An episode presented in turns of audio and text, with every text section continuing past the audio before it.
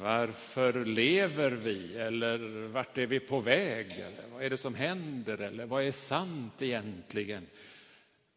Är det någon som hinner ställa frågan så är det väldigt få som ger sig på att försöka hinna svara. Höghastighetssamhället har gjort oss rätt ytliga, upplevelsefixerade som inte längre värderar erfarenhet, sanning, inre växt, mänsklig mognad. Framtidsforskarna menar att det där är sånt som kommer att bli hög efterfrågan på så småningom, men inte idag. En månad efter påsk leder kyrkan in oss i ett inomgudomligt samtal. Hela Johannes 17 kapitel är Jesu förbön för oss, för sin mänsklighet. Jesus talar med sin pappa om detta. Varje mening tål att granskas och inom varje mening finns flera skikt av flera bottnar, flera betydelser. Eh, och för att inte hålla på hela dagen här så har jag valt en mening och så håller jag predikan kring den. Och det är sista. Eh, jag läser den igen. Helga dem genom sanningen. Ditt ord är sanning. Helga dem först. Jesus ber alltså för de sina, för oss, om helgelse, om att vi ska växa, fördjupas, mogna och bli djupare förankrade i Fadern och därmed bevarade från det onda. Eller bevarade för det onda, står det. Kanske kan man här jämföra med människans mognad från barn till tonåring till vuxen. Eh, och vi kan lägga det över den här meningen, bara och se vad som händer. Barn behöver ju fasta gränser, tydliga markeringar. Barn litar helt och fullt på sinnesintrycken. Det som syns finns och det som inte syns finns inte. Eh, ni kommer ihåg eh, Ronja Rövardotter och så. Och det här är också titutlekens grund. Häromdagen träffade jag ett av våra barnbarn, Edith, åtta månader. Och just när man är åtta månader så är den här eh, leken ganska dramatisk. För plötsligt försvinner farfar och då blir man väldigt ledsen. Och sen kommer farfar plötsligt tillbaka bakom hörnet. Sådär. Och den titutleken är ju ett tecken på att barn behöver, liksom, ja, det som syns finns. Det är på riktigt. Och för den nyligen kristne, eller om vi nu använder ordet barnkristen som alltså inte har med fysisk ålder att göra alls, utan den barnkristne, så står det synliga, det fysiska, det estetiska, till och med det etiska i centrum för tron. Så gör man verkligen inte. Så här har vi alltid gjort. Så får man inte göra. Barn lär ju sig genom att tala, genom att härma. Och så är det precis rätt. Så lär sig också den barnkristna att vara kristen genom att härma andra. Precis som det ska vara. Men nu ber Jesus alltså om helgelse. Att vi skulle förändras lite, växa lite, mogna lite. Att tron skulle djupna och inte vara kvar på barnstadiet. Det finns alltså vuxna människor eh, som kan vara, ha många fysiska år på nacken men som andligen står kvar på barnstadiet. Som aldrig har låtit livet med Jesus liksom växa, vid, växa vidare. Som av andra eller sig, eller sig själva tvingats kvar på det här syns inte, finns inte nivån. Som binder Gud vid det som syns och hörs. Kyrkorummets inredning, prästens klädsel eller tonfall om hur man ska leva eh, och sådana yttre ting. Nu skulle Jesus alltså vilja föra oss genom det här inomgudomliga samtalet, föra oss varsamt vidare. Eh, och då kommer nästa led, nämligen helga dem genom sanningen. Alla barn växer upp och blir tonåringar. Tonåringen revolterar och protesterar, genomskådar och kritiserar nedärvda vanor. Varför gör vi alltid så här? Varför säger du alltid så?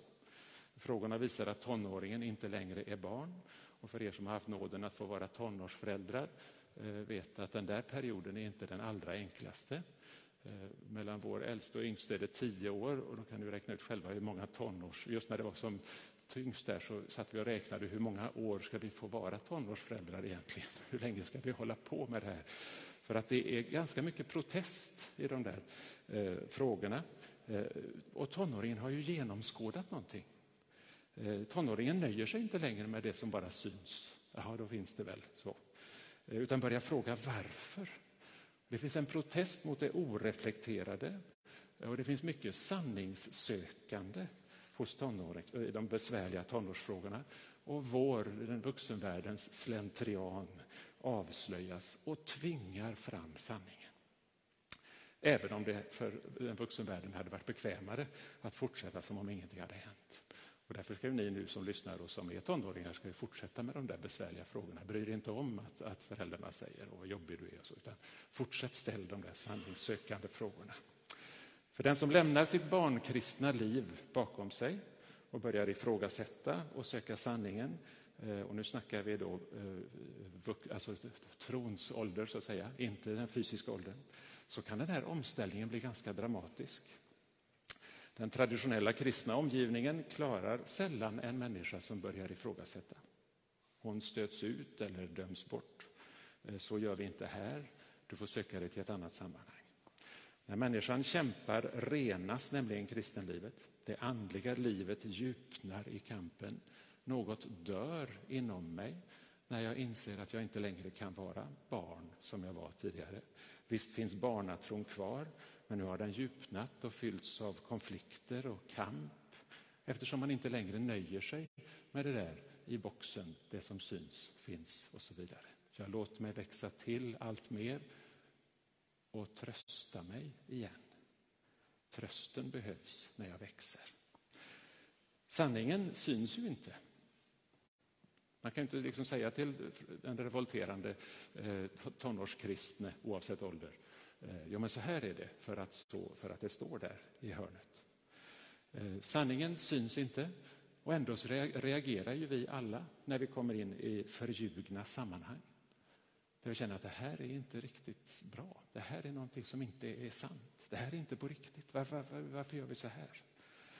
Jag tror att sanningsfrågorna kommer att bli oerhört viktiga i framtiden. Kanske redan idag. Finns det flera sanningar än en? Är min upplevelse av sanning rättare än din? Kan sanningen finnas objektivt utanför mig själv och därmed omöjlig att påverka? Eller finns sanningen bara i människans upplevelse av den? Är det sant att du skrev den där, eh, eh, att du svarade det här på den tentan? Eller var det AI som skrev den? De senaste veckorna ganska yrvakna diskussion kring eh, artificiell eh, intelligens har ju satt den här frågan verkligen högst upp på agendan. Idag kallar Jesus dig upp från barnkristendomen till en prövande, kampfylld och ifrågasättande tro. En tro som vågar ställa de besvärliga frågorna och inte väjer undan. En tro som kräver intellektuell redlighet och logik. För sanningen tål nämligen att ifrågasättas. Jesus behöver inga försvarsadvokater. Han tål våra frågor. Och därmed framme vid den sista tredjedelen. Helga dem genom sanningen. Ditt ord är sanning. Tonåringen växer ju upp och mognar. Så småningom stillnar konflikterna. För den vuxne som kan se tillbaka på protesttiden kan säkert ett och annat vara sånt man skäms för. Men det mesta var nödvändigt. De ideal som blev mina i tonåren står sig livet ut. De flesta av oss lämnar inte det vi fick med oss då. För den som lät tron växa och den konfliktfyllda upprorstiden stillna också på trons område inträder nu mystikens tid. En tid av rymd, andlig rikedom, tystnad, stillhet, gåtfullhet inför honom som alltid är större, honom man inte förfogar över. Tryggheten har flyttats från det yttre, synliga, syns inte, finns inte, över revolten, frågorna, ifrågasättandet till det inre, till det osynliga. I Jesus samtal med sin far ger han riktningen för den fortsatta helgelsen. Sanningssökandet ska inte fortsätta i revolttidens kamp mot det vedertagna. Sanningen finns redan hos oss.